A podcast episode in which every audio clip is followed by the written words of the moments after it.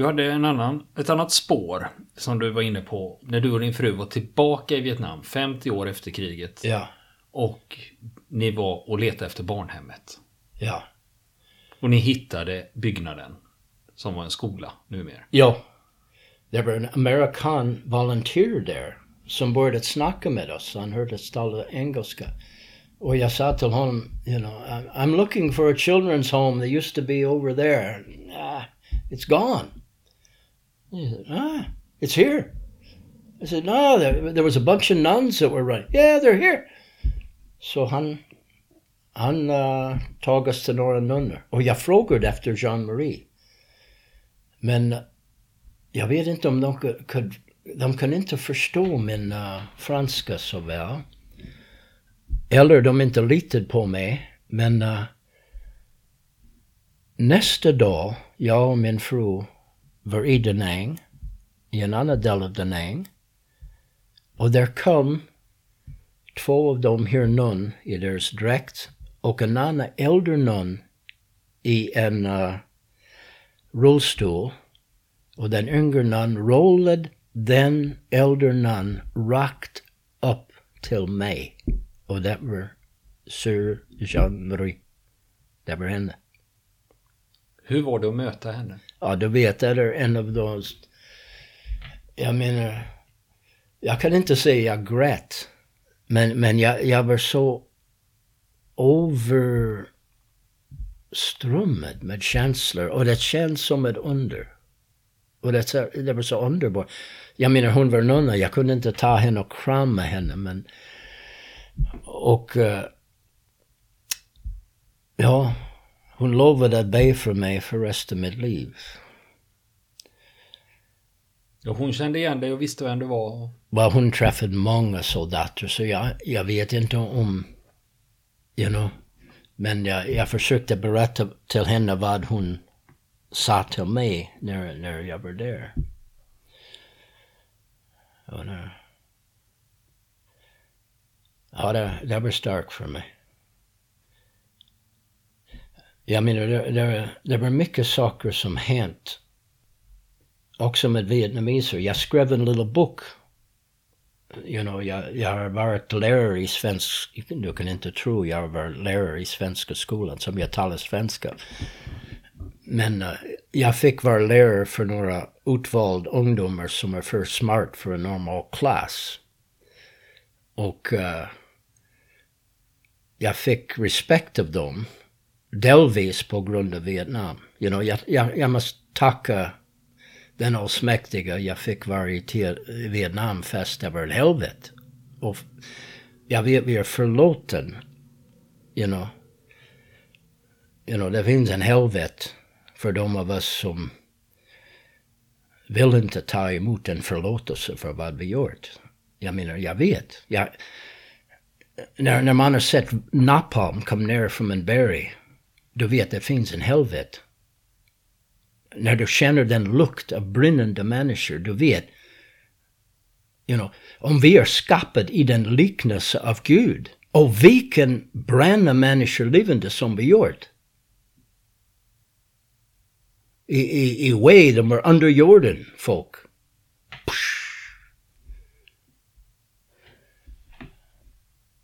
Jag menar, om vi struntar i, säg förlåt mig, you know. Om, om vi struntar i den, det finns en helvete. Jag, jag, och jag vet, jag, jag känner att vara där. Jag menar, Men om vi går tillbaka till slutet av din tjänstgöring. ja. Eh, vad är det som sker den sista tiden du är i Vietnam? För du hade ju 13 månader. Ja. Vad är det sista som sker? Well, jag, jag var en av, you know, the old timers. Jag menar, många, you know, många inte lastade den 13 månader. You know, det var några som dog, många var skadade. Många tappade förstånd och var skickade bort. Min vän Wooding, han var skickad till en annan förband för han var en övertygad ateist och ingen vill gå ut i djungeln med en ateist. det låter konstigt men uh, you know, de kallade honom snafu. Situation normal all fouled up. Han, uh, han accepterade Purple Heart för sliding over a pangy stake. Vi tyckte det var så löjligt. Uh, att, uh, you know, jag, jag tänkte jag vill inte ha Purple Heart när jag har vänner som dog. You know, du kan ge dem en Purple Heart. Om jag, jag, de, tänkte att ge mig en Purple Heart för att skramla på min finger när jag var blåst av uh, Panzervägen. Stridsvagn. Jag menar, det, det, men jag, jag fattade inte att om man fick tre stick, du fick åka hem. ja. Hade du vetat det? Ja, jag, jag fattade det för sent. Mm. Ja. ja. Men, så, de, sista tiden då, i Vietnam? Jo. Hur var den? Jag, du, du berättade okay, det, ja, ja, det var ja, inte så många kvar. Alltså, du var ju en oldtimer då. Ja, ja. Och jag trodde inte jag skulle överleva ändå. Jag har haft en, en, en liten bondgård att komma tillbaka till, men jag, jag har haft en liten zigener, uh, what do you call her, fortune teller. She looked at my lifeline. Hon sa, det är för kort. Du skulle inte överleva 21. Du skulle inte vara 21 år gammal. Och, uh, you know, det var närmande. Jag, fick, jag fyllde 20 år. Jag var en gammal man. Många var yngre än jag. Jag fyllde 20 år där. Men jag tror, jag skulle inte överleva den. Jag, jag skulle dö. Och jag var rädd att dö.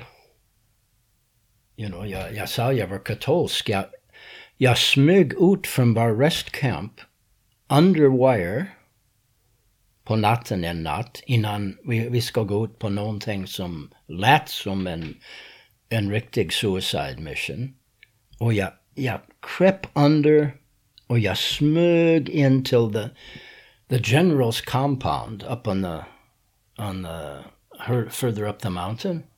Och jag smög in där och jag vaknade upp någon colonel, jag tror han var, en präst. Och jag sa till honom, I'm going out on something really bad tomorrow and uh, I've got to go to confession. You know, det var massa saker man gör som, uh, you know, jag tyckte, ja säkert, jag, jag måste. och han försökte förklara för mig, han gav mig den katolsk absolution i latin, you know, ego te absolvo. Sista smörjelsen nästan då? Ja, nästan, you know. Men, men han, han tar bort synder och man känner, oh, you know, nu jag kan dö och ingenting, you know, nu, you know, helvetet är okej. Okay. Ja, jag ska slippa den. Men han sa till mig, son, you don't have to come sneaking up like you did, you know, you could get shot just just make a good act of contrition, you know. You know säg till den allsmäktiga förlåt mig. Och du är ren. Men uh, jag vill vara säker då. Nu jag vet, jag vet att, uh, you know, nu jag behöver bara säga förlåt mig och jag förlåt. Men hur var det nu att räkna ner de sista dagarna? Var du orolig att något skulle hända dig? Ja, det var en av de sista dagarna då.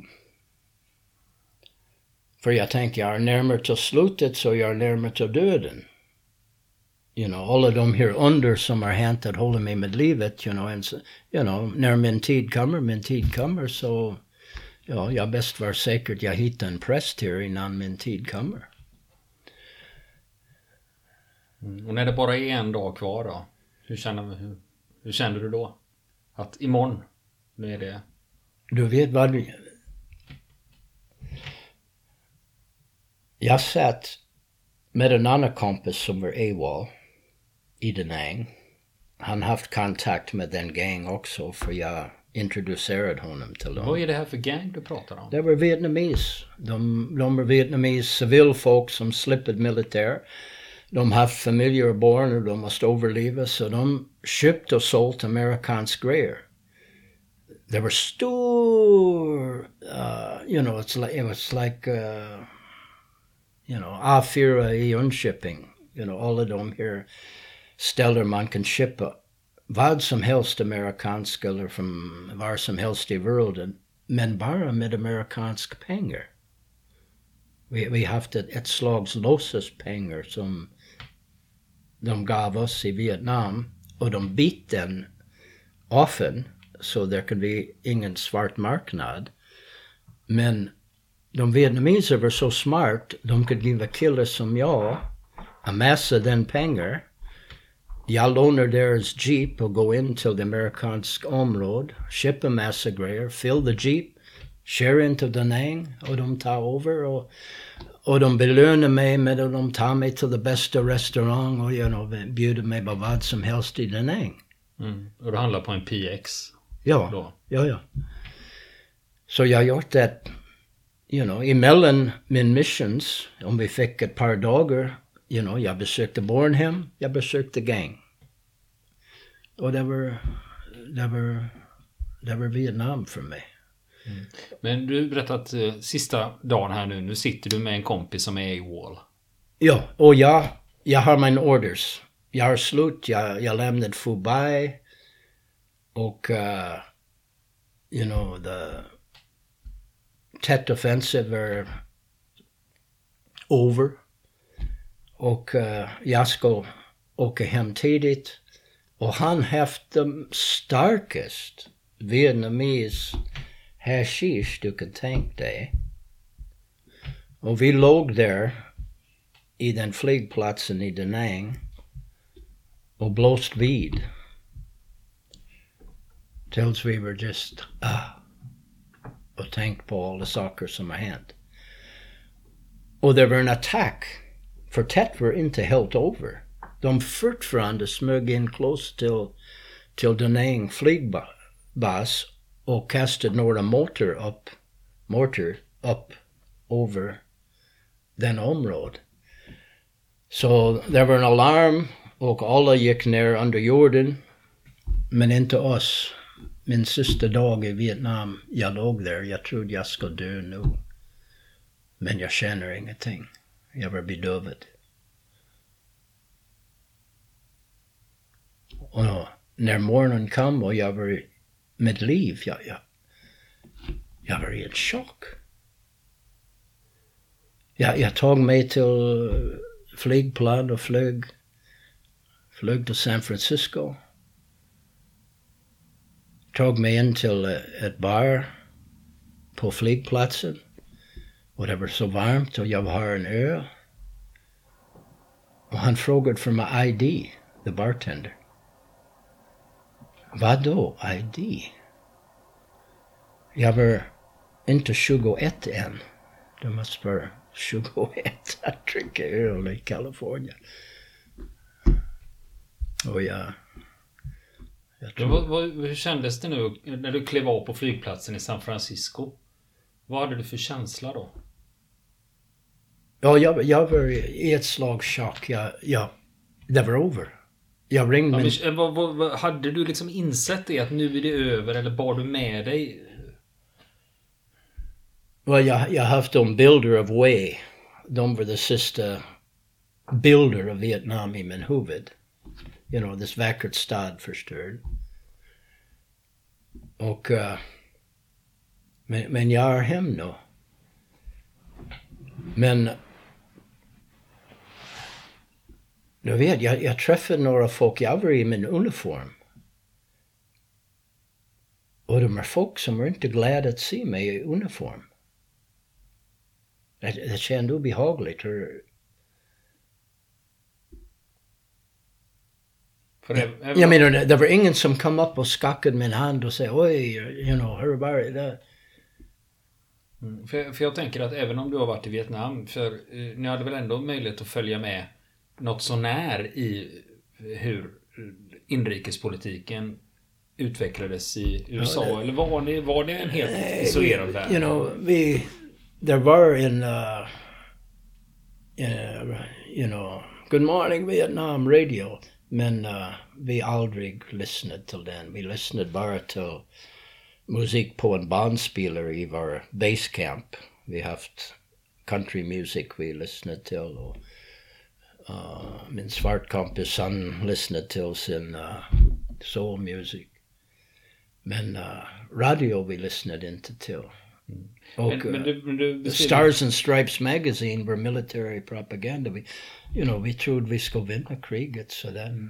Men uh, de skrev ibland om, om protesters och så. Men jag fattade ingenting om det. Utan det var först när du kom till San Francisco du märkte av det? Jo, och San Francisco, you know, jag måste gå direkt från San Francisco hem till, uh, till, uh, till Minnesota var min förälder var, min lilla bondgård var. Och jag, you know, jag tar på mig civilkläder direkt. You know, jag fattar, oj. Och, och det, på flygplan från San Francisco to Minnesota. Jag tänkte, va? Det är ingen soldater på flygplan. Men det var det. Det måste varit. Men de har haft uh, civilkläder på. You know, när jag åkte flygplan från uh, efter bootcamp jag fick återvända hem för en kort stund innan basic infantry training. Och där, you know, jag haft uniform på flygplan var fyllt med soldater.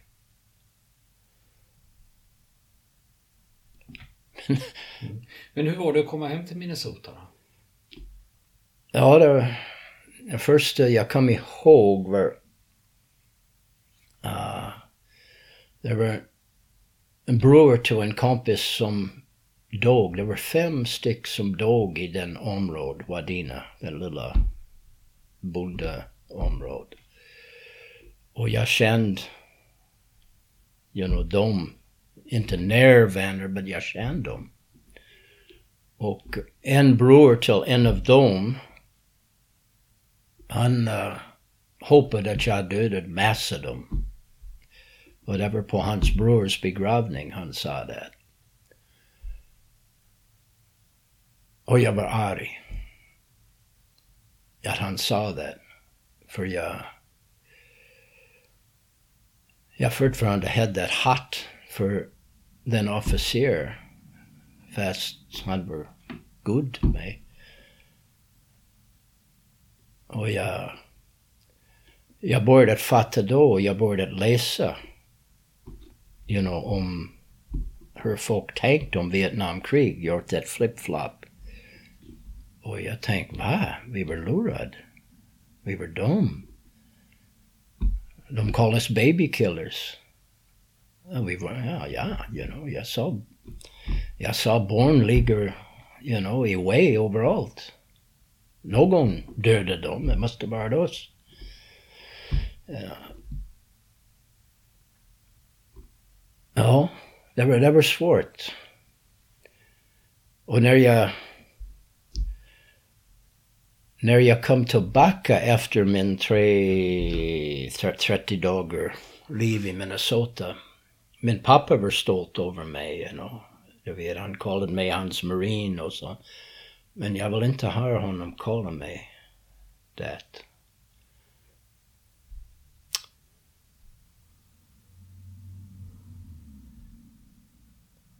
Och han frågade om jag var skadad. Och you know, jag, jag sa nej, nej, not a scratch, ingenting. You know, det var några, you know, lilla skrammer, men ingenting. Och jag kunde se min pappa var besviken att jag inte haft ett purple heart. You know, jag, you know, jag, men, you know, det var lätt att få ett purple heart. Jag menar, ja, det var många som jobbade i kontoret, de kom ut med det djungeln och kom tillbaka med en lilla skramsa och de fick en purple heart. You know, jag tänkte, nej, nej, jag ska klara mig utan en purple heart. Ja. Ja, nu, nu jag fattar you know, jag dum på många sätt och det är en av dem. Men uh.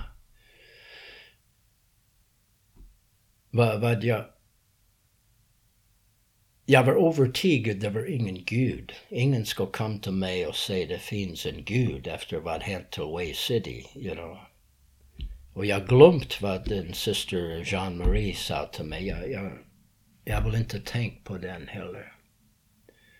Jag tänkte det finns ingen gud. om vi amerikaner var så korkade att göra vad vi gjort, then that must mean that the Viet Cong har rätt. Kanske Ho Chi Minh har rätt. Kanske kommunister har rätt. Finns ingen Gud, vi måste lista ut hur vi ska rädda världen. Kanske Mao Zedong har the best idea after all. Varje 20 år vi måste ha en revolution att rensa ut samhället. Så jag tänkte okej, okay, uh, jag, jag har lärt mig hur att döda. Uh. Nu är det bara att döda de som verkligen behöver att döda. Och då det var farligt att tänka så där. Och jag har haft drömmar. Natt efter natt efter natt. Och några av de killar som dog, you know, Barnes, Blankenship, Prideaux och de, uh, Weasel, Welchel och, och uh, Gilbert, de de sa till mig att jag ska ta revenge. Och jag tänkte, wow. Och jag har haft en fin sharkskin suit. Att jag köpte i Hongkong. Och uh, jag har haft några få månader kvar i Marine Corps när jag kom tillbaka. För jag, jag var inte slut till mitt i sommar. Efter jag, jag fyllde uh, 21.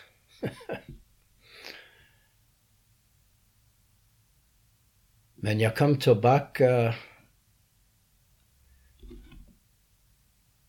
Jag visste efter 30 dagar i Minnesota jag måste klippa håret innan jag kom tillbaka till Marine Corps.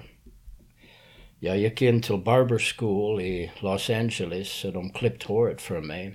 En liten tjej gjort ett misstag. Så de tog bort alla mitt hår. Så jag kom tillbaka till, till uh, Camp Pendleton. Jag har haft fyra månader, tror jag, kvar att vara i Marine Corps.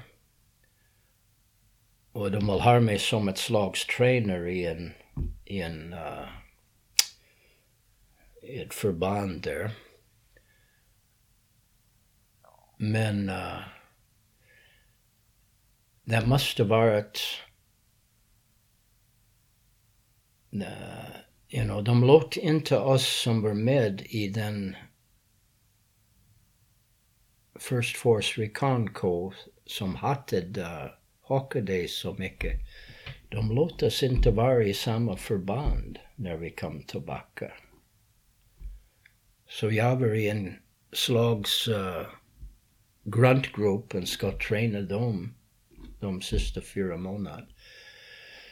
Men jag var i ett slags... Jag var aldrig nykter. You know, vi kan dricka så mycket vi vill på basen och om jag gick in till stan för Liberty, jag drack så mycket jag kunde där. Och jag kunde dricka mycket i den tiden. Så de, uh, de mer eller mindre låt mig gå min egen väg de sista fyra månaderna. Det var andra killar som kom tillbaka och vi var vi var allihop riktigt tyst och sammanbitten och vi vill inte tala om kriget, vi vill inte vi vill inte delta, vi vill inte gå ut med uniform. Det eh, var, det var en konstig känsla. Och de försökte att få mig att skriva upp för fyra år till och de ska skicka mig till Officer Candidate School. Och jag, jag, jag bara skrattade och sa, du skojar, det kan inte vara sant. Och min uh, lilla officer på min systerförband, han körde mig till, uh, till slutstationen. Och hela vägen han försökte att få mig att skriva om för en annan fyra år. Han sa att som jag drack och uh, som den erfarenhet jag haft i kriget, han tyckte att jag var absolut perfekt material att vara marinkårssoldat. Men han sa, du ska aldrig klara dig i det civila livet. Det kan inte gå för dig.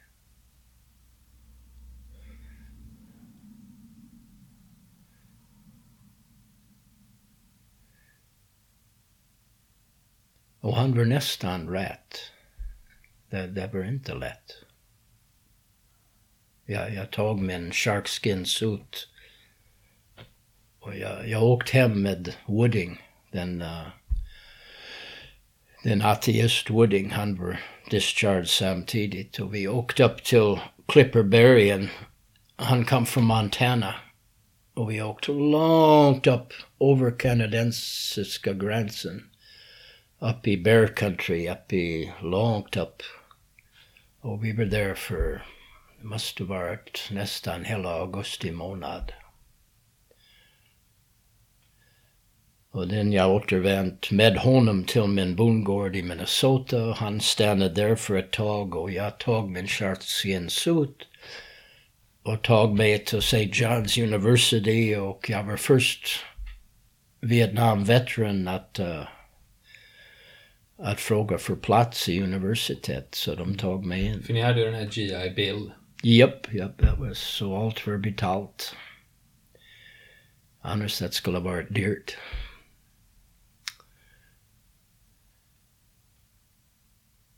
Vad var det du skulle börja läsa på universitetet då? Du vet, jag tänkte att uh, de frågade mig. Och jag, jag, jag tänkte, ah, you know, jag tänkte det ska vara roligt att försöka vara läkare men jag kunde inte koncentrera mig. Och jag tänkte jag måste plugga massa kemi och, och sånt och jag haft ingen sånt i högstadiet. Så jag sa jag ska ta teologi. Det var en... Tillbaks till präst. och jag, jag tänkte, you know, you know, kanske... You know, jag ska se, min pappa var en övertygad troende man, så han trodde på Gud. You know, han trodde Gud bevarade mig. Han bad för mig hela tiden när jag var där. Min mamma bad för mig. Min, min uh, mormor bad för mig. Och jag vet, det var, det var under. You know, jag, jag skulle, jag skulle kunna dog. Min, min morfar såg en bild av mig i en tidning, Newsweek Magazine. Och det var Way City, det var någon amerikansk soldat som låg på en stridsvagn på väg ut från Way. Och han var övertygad det var jag och han skickade en bild till min mamma. Hon trodde det var jag. De hörde ingenting från mig så... You know, de trodde att... Men eh, jag var så out of control när jag var i universitet att uh, jag har haft den tanken ibland, stackars föräldrar. Det skulle varit lättare för dem om jag dog, om det var jag som var på den. Fast den killen, han överlevde. Det, du vet i Amerika om, om man har en son som dog i krig. You know, de har en parad varje år. Kallar dem Gold Star Mothers. De fick uh, ett plats på en Cadillac car eller någonting och rida i parad och, och vinka. Och jag tror att många av oss som var så vanställd vi, vi fick tanken att kanske det var bättre för min förälder att jag dog där. För jag kunde se de andra killarnas föräldrar hur stolt de var att deras, pojkar gav livet för landet. Vill ni komma i kontakt med oss så kan ni göra det via vår Facebook-sida som heter Fronten. Det är inga problem för er att leta er fram där. Eller också så mejlar ni på vår mejladress och det är frontenpodcast.gmail.com.